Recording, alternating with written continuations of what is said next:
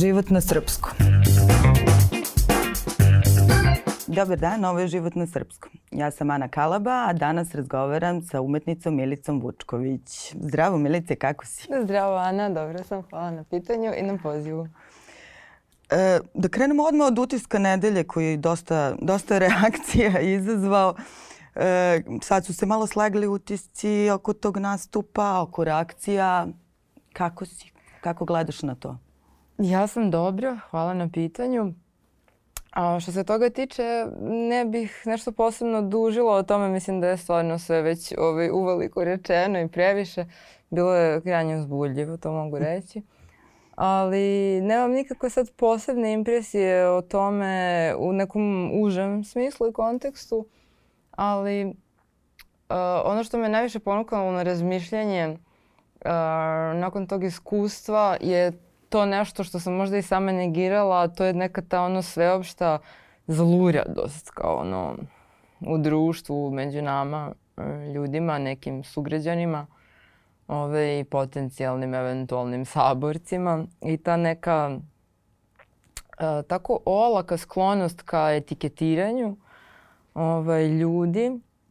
A, e, šta znam, iskreno, meni bukvalno sam osetila u nekim trenucima kao ono posleratno doba, znaš, ono, o, o cinkari komšiju, prijavi komšiju i to je nešto što ja mislim da je stvarno jedan strašno veliki problem društva načalno.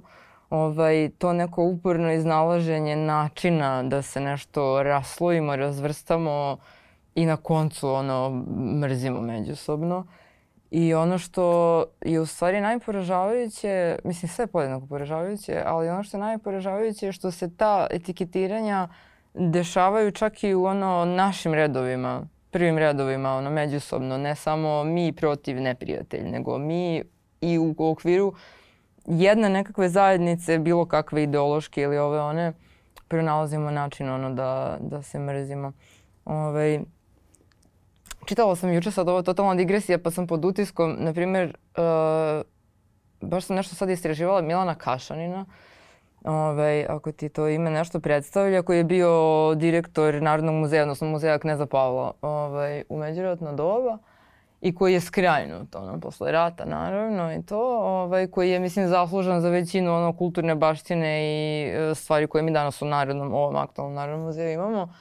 I onda mi je fenomenalna činjenica koju nikad prije nisam uh, srela, recimo da on, dakle, nakon rata kada je ono smenjen sa te pozicije direktora, je nešto, mislim, radio, jedva se kripio, pisao čovek, ono, za rubriku u politici verovao, ne, mm. mislim, tako neke bizarne stvari da sastavi kraj sa krajem, a inače ima ono ordenje, legije časti Svetog Save i ne znam ja čega sve već. Uh, i imao je apsolutno svaku akreditaciju da postane član SANU-a, Srpske akademije umetnosti, i nije postao član SANU-a zato što ga je denuncirao ni pet ni šest Vasko Popa, na primjer, koji mu je bio kao kućni prijatelj. Znaš, mm -hmm. ono, takve su se stvari radile i ja sam mislila da su takve stvari radile samo tada, ali takve stvari su vrlo aktualne.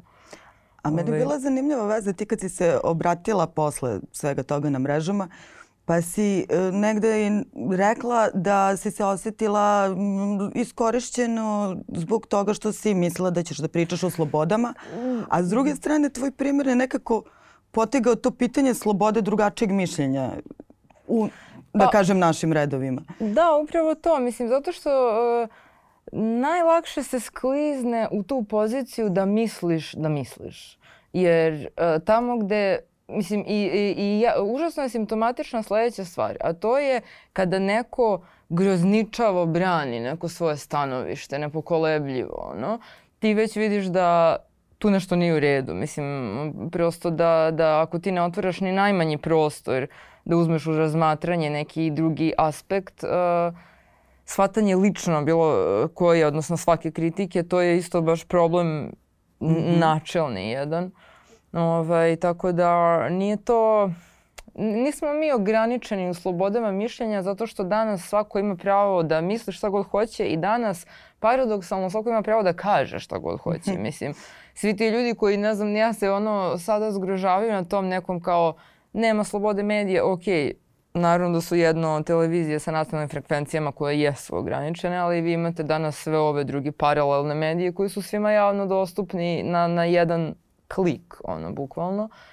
Ovaj, tako da, mm, nije, mislim, mislim da i je donekle kao deo problema to neko sve, opšto mišljenje o svemu koje je tako poniklo. Ja imam ono tezu recimo da je to nastalo od YouTube komentara. Ne znam da li se sećate kao ranije kada nismo imali društvene mreže, pojavio se YouTube i onda smo imali kao YouTube komentare da ti iz neke ono udobnosti sobstvene fotelje anonimno možeš da komentarišeš sve i onda kao YouTube porastao u danas Twitter, Facebook i svo to silno mišljenje. Ja se stalno pitam recimo, opet totalna digresija, ja sam recimo jedno vrijeme išla na futbolske utakmice.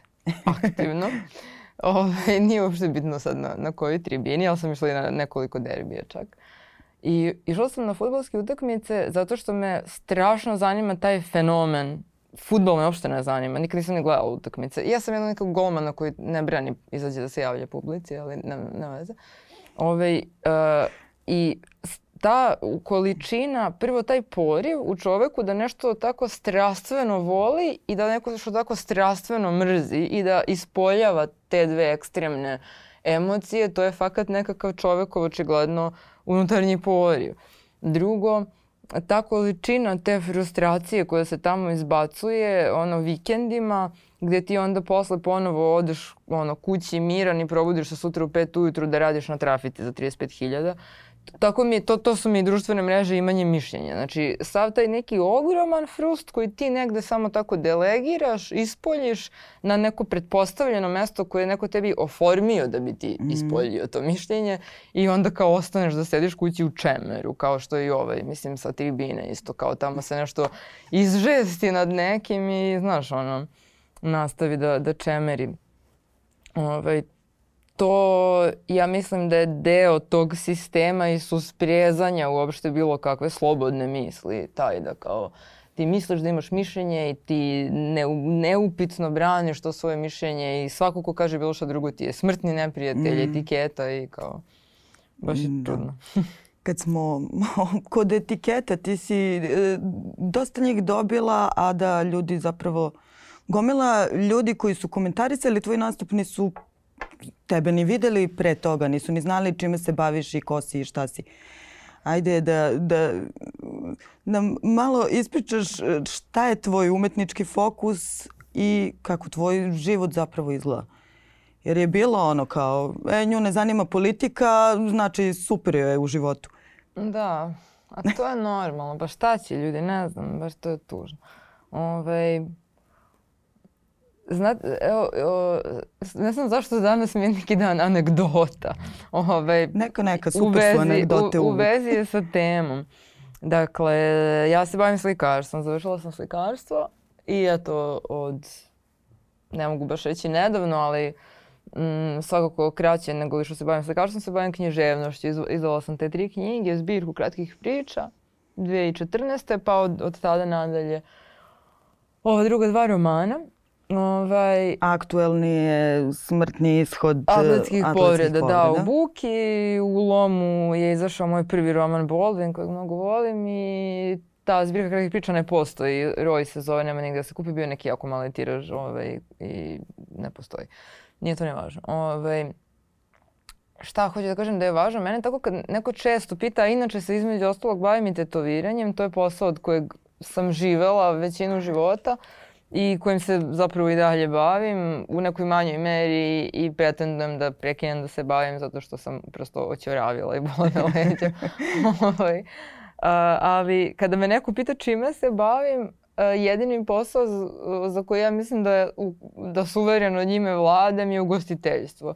E, zato što ja radim od srednje škole u kafiću, doslovce od prvog srednje sam ono radila sezonske poslove, a od trećeg srednje, pošto sam bila neki tako džak koji odsustuje sa nastave, ovaj, blago rečeno, sam aktivno radila ono po kafićima i cele studije i nakon studija. Tako da je ugostiteljstvo neka sfera u kojoj se ja osjećam najkomotnije. To je posao koji ja zaista znam da radim. Mislim koliko god ljudi podcenjivali taj posao. Između ostalog zato sam danas i završila u ovaj, psu, svom kafiću. I sad, um, prošle godine, da se nadovežem na etikete, da napravim neku poveznicu između ove dve teme, prošle godine, dakle, kada je počela korona, uh, ja sam napisala neki status na Facebooku, apropo i toga koliko su to relevantni mediji koji videli smo mogu da završe u nekim mainstream ovaj, medijima, platformama. Uh, sećam se da sam napisala, dakle, ja čitav život radim i dalje i dan danas nemam jedan jedini dan radnog staža. Zato što čitav život radim na crno jer je to tako. Zato što se u mhm. ugostiteljstvu radi na crno. Mi smo ti neki ono mladi, drugosmenaši, krajnje zamenljivi, kojih ima milion. Tako da načelno i dan danas u ugostiteljstvu većina ljudi koji radi, radi na crno. I u mislim raznim drugim ono, granama privrede.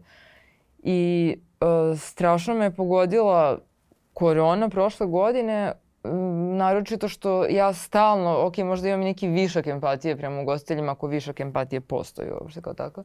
Ovaj, strašno me pogodilo to što sam bila svesna da gomila mojih prijatelja koji su nažalost i dan danas u ugostiteljstvu, ovaj, znam da su podstanari pod kirijom, da imaju porodice ili nemaju porodice ili, se, ili studiraju, sami stipendiraju svoje studije i oni su svi ostali bez poslova ovaj, i bez ikakvog načina da bilo šta pri privrede. I mislim, to je trajalo. Niko ko nije bio, ja sam bila podstanar čitav život, 10 godina. Mm. Niko ko nije bio podstanar ne može da, znaš, svako će reći, ja, pa i meni je bilo teško, ja sam bio bez posla ili sam imao smanjeni obim posla. To nije isto, da imate kiriju prvog u mesecu da platite, a da je kafić u kojem radite zatvoren. Zašto sve to pričam? Ja sam se povodom toga upravo i oglasila, bila sećam se na Facebooku kako eto kao ok, ja ću da se bavim ono, mislim, čime se ja bavim, neću da se uplićem u teme u koje se ne razabiram. Ovaj, I prokomentarisala sam to šta ćemo sa gomilom mladih ljudi koji su u Beogradu podstanari, koji mhm. studiraju mm. i koji rade po ugostiteljstvu, koji su neprijavljeni i koji su masovno prošle godine gazde nemilice otpuštali. I niko za te ljude ne garantuje, niko za te ljude nije odgovoran. I mene je kontaktirala jedna novinarka iz jednih uh, dnevnih važnih novina, nije važno kojih, i pitala me da li može da prenese taj, taj moj post, kako se već kristi, i ja sam rekla može. I nisam ni pitala u kojoj formi. Mm -hmm. Mislim, ja sam mislila, ok, super, neko će se založi za mlade ugostitelje. I izašao je taj članak koji, koji je glasio ispovest Milice koja ceo život radi na crno, tako neki ono krajnje dramatičan latinoamerički naslov. Aha.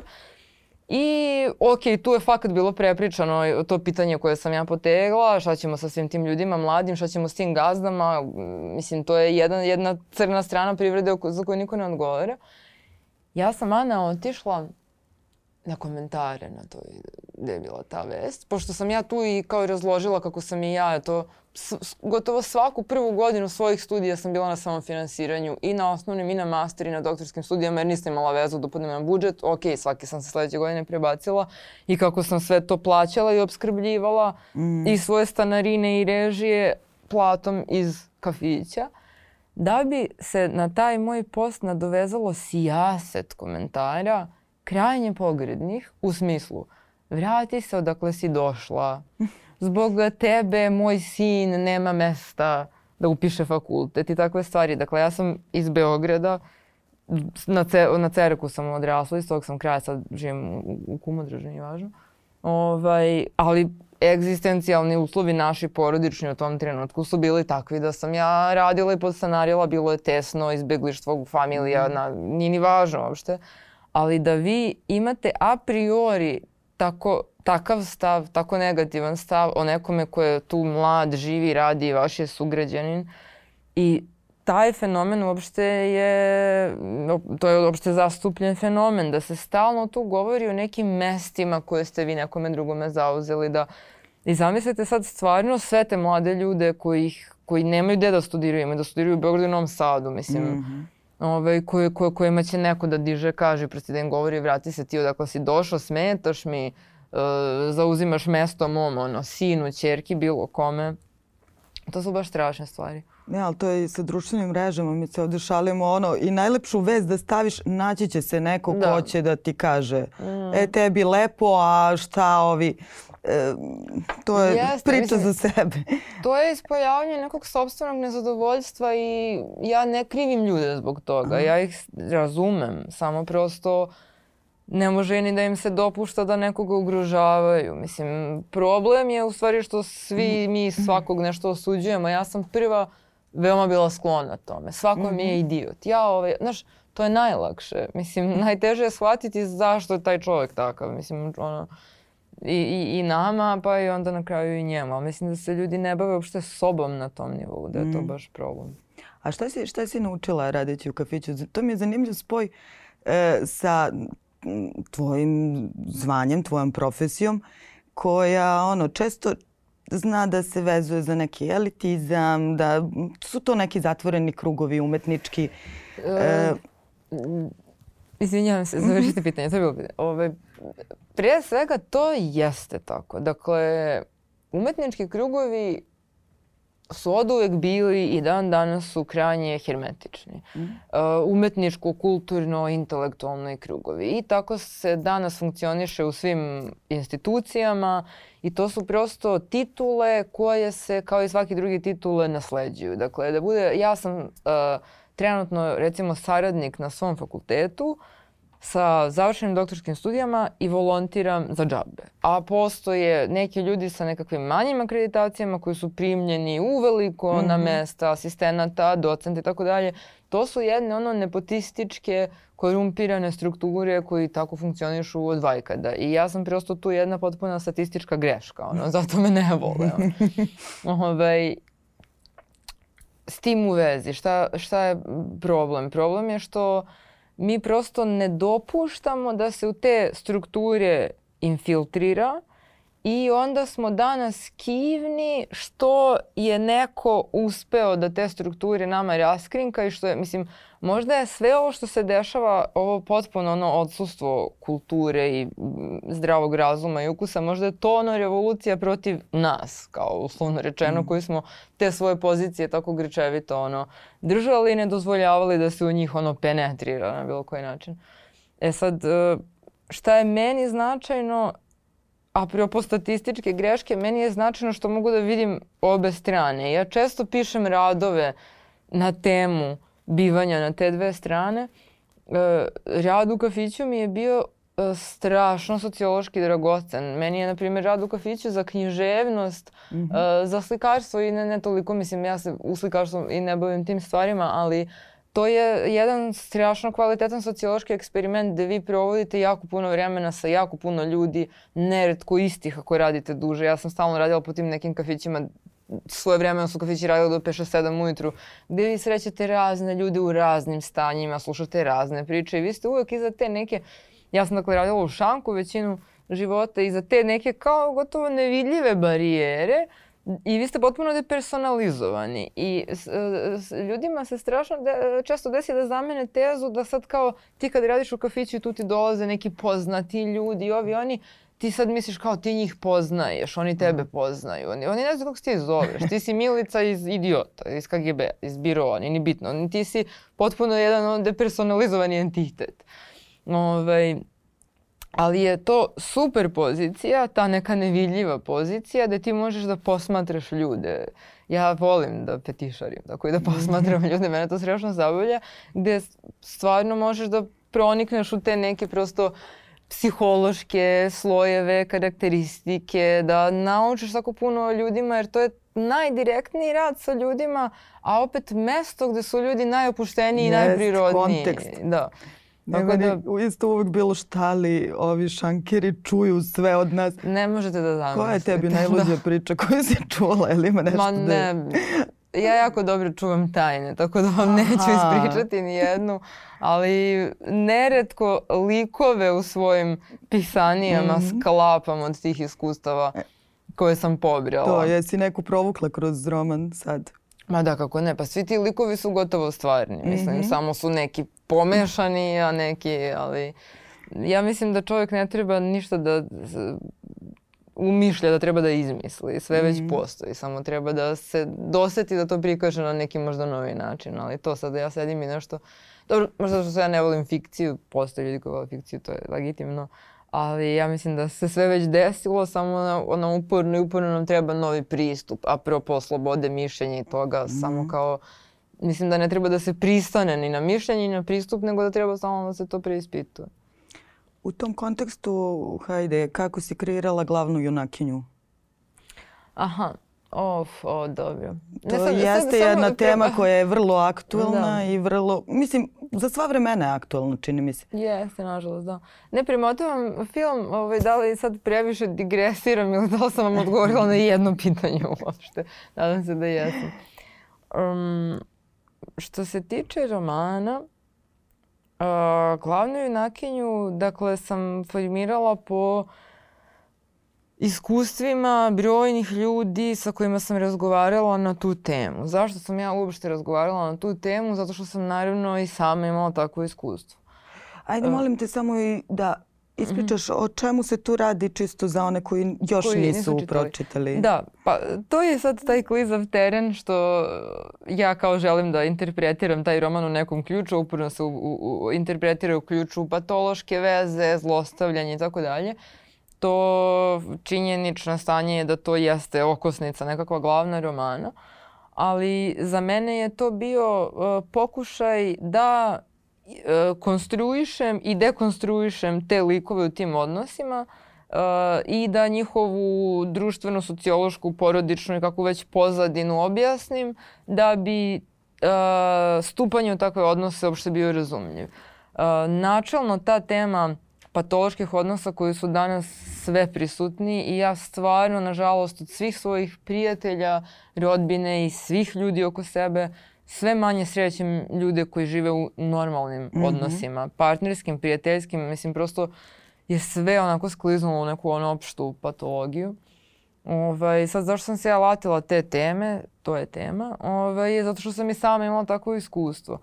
Uh, nikada za sebe nisam verovala da je neko ko bi sebi mogao da dozvoli ili kako mm -hmm. se mhm. već to formuliše takve neke stvari. Ovaj, uh, ali to je upravo zato što nisam dovoljno poznavala sebe i onda ta činjenica, ta spoznaja koja mi se tada desila i činjenica da ljudi zaista neretko kroz život idu, ja to volim da kažem, kao one babe gospođe, da ne kažem babe što imaju ono onduliranu kao kosu, pa onda neće da kvase pa oko plivaju. Da, e, ja ono, većinu ljudi oko sebe vidim da tako čitav život tako idu kroz život s tim kosama da se ne skvasi ta glava. A ja sam I... skoro, izvini se, skoro kad sam bila na moru i gledam ona kao, e, kao nikad neću biti ovakva žena. Mhm. A drugar kaže pa dobro imaš te koji drže, a imaš i vas koji odmah uronite. Odmah skaču, da. E, možda ne valja ni jedno ni drugo, da. Pa da. Ideja samog romana je bila tada, e, mi smo evo kao pričamo zapravo sve vreme o tome, kao ljudi krajnje isključivi i skloni osudi. I neretko je u društvu zastupljeno da vi kada čujete da je neko zlostavljan, da ima neki problem u porodici i tako dalje, ćete reći sam je kriv, evo što se, evo što se meni Aha. to nije desilo. Kako, evo ja, znaš, uvek to se nešto veliča. I I ja sam, mislim, ne, ne mogu da kažem, nikad nisam bila taj lik, ali mi se to desilo, a nisam verovala da možda mi se desi. I onda mi je bilo važno da konstruišem takvu junakinju koja je neka autonomna, samosvojna, čusta žena, nepokolebljiva i tako dalje, koji se to desi. I da upravo ukažem na to da, da to svakome može da se desi. Mm -hmm. Jer prosto smatram da zaista može. I to su neke okolnosti naše životne uh, gde mi ne uviđamo da su one na nas imale neke reperkusije. Dakle, ja da me neko pitao do tog trenutka u, u životu da li ja mislim da sam ja normalna, ja bih rekla da sam ja sasvim normalna, ja nemam nikakav problem u životu, a to što mi se dešava, što uporno biram pogrešne partnerske odnose ili prijateljske, to je čisto neka loša sreća, mm -hmm. horoskop mi nije naklonjen, retnogradni me, Merkur, kako se to već koriste, tako dalje da mi uopšte ne, ne razumemo sobstvene podsvesne izbore i da ne razumemo kako su okolnosti u kojima smo živeli. Ja sam, ja sam na primjer, odrasla u srećnoj porodici, moj otac i majka se vole, imam divnog brata i tako dalje. Ali nikad nisam shvatila kako to neko siromaštvo u kojem smo živeli, to izbeglištvo, i takve stvari, kako su one na mene uticale. Ja sam videla samo pozitivnu stranu toga jer su me načinile nekom ko je danas skroman, ko ume da ceni, ko se ne rasko, ima empatiju prema ljudima i tako dalje. Ali nisam razumela da je da su te okolnosti od mene možda napravila nekog ko ima višak empatije, ko gleda i traži sve ćopave pse po ulici, da skrpi, da ja da rešim sad sve probleme na ovom svetu. I to je ponovo neki ekstrem, jer neretko žrtve zlostavljanja su slični profili, kao što su i neki uslovno rečeno zlostavljači, to su neki mučeni ljudi. Mislim, ne trebamo ni njih da obesimo prosto. Mm. Ali hoću da kažem, to su neke patološke strukture ličnosti koje nisu ponikle nijotkuda. To su neka nevoljena deca koja su ponikla iz patoloških porodičnih struktura. To su neretko i sami zlostavljena deca. Mislim, to su stvarno nezanemarljive stvari. I o tome na taj način smatram da treba da se priča, a ne da se priča žrtva, zlostavljač, vi levo, a mi desno. I kao to je kraj problema, a naročito ja crtu koju uporno podločim, ja ću morati stvarno još jednom da je podvučem, je ta što ti odnosi nisu naravno isključivo u pravcu zlostavljaš muškarac i zlostavljena žena.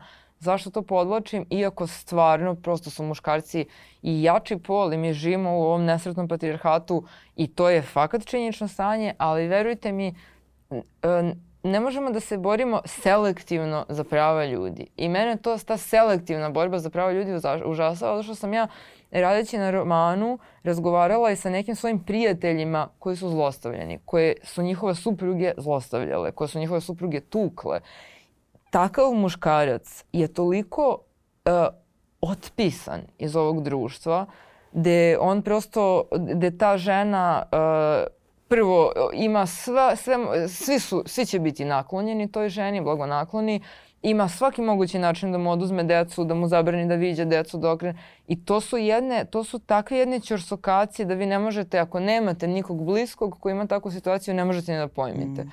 Ko, koliko je društvo tek Uh, jednobrazno po pitanju takvih slučajeva. Muškarac koji ima takav problem, koji je zlostavljan od strane svoje žene, koji zna da ne može, što, što mu ne vrati, što joj ne vrati, ne može, prijavit će ga, ići će u zatvor i tako dalje. Stvarno ima, ja znam neko, nekoliko takvih slučajeva iz bliže okoline i to ne smemo da zanemarimo. Neki je i ovo 1%, ovo 99% stvarno moramo da se podjednako borimo za svačija mm. prava. Mislim da to... Misliš da je tu problem u tom nekom poimanju feminizma koji bi trebalo da bude borba za svačija prava i za prava svih nas? Pa da, ima raznih problema u poimanju feminizma, ali to je svakako jedan od problema e, tog nekakvog današnjeg ovaj, jednog od obli, obliča feminizma je taj što se muškarac uporno stavlja u kontekst nekog uh, neverovatno povlašćenog pojedinca prema kome je ovaj svet strašno blagonaklon i sve mu je potaman i što feminizam neretko odlazi zaista u prijavcu neke mržnje prema suprotnom polu, mm. mislim mhm. prema muškarcima. Ovaj, mislim da ako govorimo recimo ono u, u, u isto kla, u, u društvu iste klase, ako govorimo o srednjeklasnom društvu, uh, nezaposlena žena u srednjeklasnom društvu je nezaposlena žena, bože moj. Može da se uda, ne uda, da šta već. Nema etiketu. Ona je nezaposlena žena. Nezaposlen muškarac u našem društvu je društveni parazit. Znači on, što bi se pod jedan bilo koja žena udala za njega, ako se uda, on i ako čuva decu, ako radi kućne egzistencijalne te neke svakodnevne poslove, on je papučar, on se prišljamči, on je prizetko, on je ne znam nija šta. Uh, mislim, prosto uopšte nije ni prema njima najgore poslove na ovom svetu ne rade žene. I u niže eklasnom društvu žene ne rade po građevinama, ne padaju sa skela mm. i tako dalje. E sad, ogroman je problem ta slika žena, mislim, to što žene imaju manje platu, to što je potencijalno moguće da će žene da izgube pravo na abortus, to što e, su žene nisu zastupljene u lektirama, to su strašne stvari i to mislim, prosto feministička borba ide u tom pravcu definitivno i čak sad se već... A umetnosti? Pa i umetnosti, evo vidite što se dešava u književnosti. Vi danas imate N ženskih autora. Mm -hmm. uh, sad to neko sameravanje ko je koliko, koliko žena, koliko je dobilo nagradu, a koliko nije i ta neka uh, uh, sklonost ka toj pozitivnoj diskriminaciji. Mm -hmm. Evo sad šest godina nijedna žena nije dobila ni najde e, sad, sad da, da damo da mi mm. namirimo savest. Stvarno ima i toga. I uh, strašno je to što žena ne može da piše iz neutralne pozicije. Žena više nije pisac, to što smo govorili. Žena je spisateljica uh, i to je žensko pismo, znači sve što je žensko nije univerzalno, to je žensko. I to je problem strašan mm -hmm. patrijarhata, što to nije, znači mi smo prvo žene pa smo onda ljudi, pa smo onda mislim sve drugo. I to je prosto nešto sa čime se bori, ovaj, sa, sa čime se borimo. I, ali s druge strane, još jedan ću primjer da navedem. Ja ne zaklapam usta, izvinjavam se. Ove, ovaj, recimo, moj kum je dobio čerku. On i njegova supruga su programeri. Vole nauku i tako da, te stvari. I njihova čerka takođe voli nauku, svemirske brodove, avione, čuda i tako dalje. I sad kum se meni jada kako za devojčice tog uzrasta ne postoje te benkice i ta čuda koje nisu roze na medvedići i na cvetiće. Mm -hmm. Dakle, vi nemate žensku garderobu koja ima dinosauruse i avione. Zašto? Mislim, to je jedan od problema, jer mi kao uporno pristajemo na to da sve naše čerke kinđu. To je kao nekakav fakat unutarnji poriv, kako čime god, ili to neko ono genetsko, evolucijsko nasledstvo koje mi nikako da prenebregnemo. Mm -hmm. Ovaj, I druga stvar uh, sa kojom imam problem ovaj, po pitanju feminizma je ta što neretko srećemo nekakve uh, borkinje, morat ću da kažem. Ovaj, Neka. nekakve borce za, za ženska prava koje, dakle, vidimo žene koje su prve nasele na tu sliku žene patrijarhalne. Dakle, uh, ja nisam u životu puno putovala, ali sam putovala u par nekih zemalja. Bila sam letos uh, na nekoj stipendiji u Splitu u maju. Ja nigde nisam videla toliko operisanih žena nego li na Balkanu i u Rusiji. Ne na Balkanu, u Srbiji i u, i u Rusiji. To vidim po, po Instagramu kada ovaj, stokujem.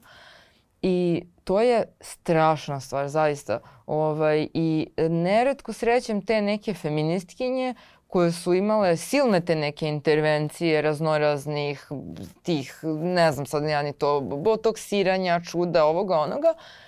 I to je kao za Boga danas nekakva feministička borba da se pristaje na jednu konzervativnu patriarhalnu sliku žene koja mora da izgleda savršeno da bi ona, jer kao za Boga žena ima prava da se brine o sebi. To je pristanak na, na, na, na, na, na prijateljski teren, na njihovu igru. Mislim, toga stvarno u bogatijim društvima nema. I uopšte taj pristanak da žena mora da nužno tako izgleda. I sad te žene su zaista nasele da je to kao vid ospoljavanja njihove borbe jer se one tako za Boga bore za svoje prava tako što imaju pravo da izgledaju lepo.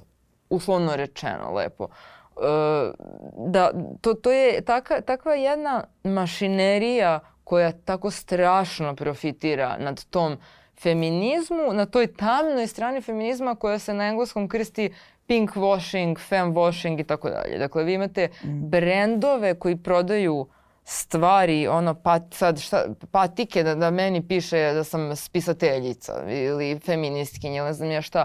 Videla sam na Instagramu pivo za žene.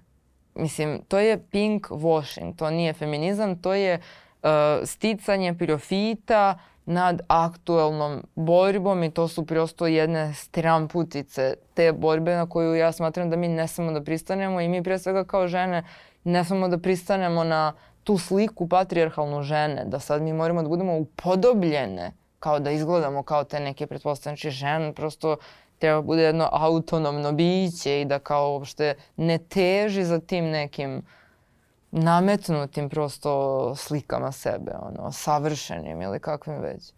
Baš je tu. A, a čekaj, a šta ovde sve e, prođe žena koja se ne plaši ili ne sme da, se, da kaže da se plaši? Ma da, e, prođe sve. to si skoro napisala, to mi je onako baš bilo... Misliš da će zbog ovog sad što si rekla opet da krenu komentari? Ma ne znam, ma ne zanima me stvarno to. Ovaj, da, normalno da se čovjek plaši i ovo je tako morbidno društvo u kojem ako se ne plašite nešto s vama očigledno nije u redu. Ovaj, da, meni je taj strah konstantni. Ja sam recimo, eto to, apropo svih ovih poslova i ugostiteljstva i tetoviranja, ja sam radila u jednom tatu studiju sedam godina. I uvek sam radila u muškom kolektivu. I to je jako teško, to je na primjer tema mog prvog romana, jako je teško naći svoju poziciju u muškom kolektivu kao žena, a da ne budete mm -hmm. mobingovani, da ne budete sve, svođeni na neku strašno je teško. Moj način borbe je bio da ja budem neka kao žena muškarac, da ja sad tu pokažem zube, da pijem, da... Mada ja mislim da svaka žena treba da trenira i da bude spremna fizički da se odbrani, to je vrlo korisno. Ali sam uvek trenirala, jaka sam nekako i genetski, ono, iz like sam ovaj, delom. Uh, to neko stalno, kao stalno, ne smete nikada popustite. Morate se stalno na liniji borbe, u suprotnom će nešto da vas napadne. I mm. to je stvarno strašno što žene zaista tako žive. Na poslu, u prevozu, na ulici, gde vi stalno morate da se branite. Ovaj, to je, eto, to je, to je, mislim, naj, najtužnija činjenica što je društvo i dalje danas takvo po žene. Koliko god da je sa druge strane blagonaklono i zaštitnički nastrojeno prema ženi kao slabije miću kao majci. Na licu na, mesta. Na licu mesta mm. je tako. Mislim, baš je teško. Šta ste me da. a, a sad više ništa, pošto da. moramo da završavamo polako, a mi možemo da nastavimo razgovor. Može, dogovor. Hvala ti, Milice. Nema na čemu, hvala na pozivu.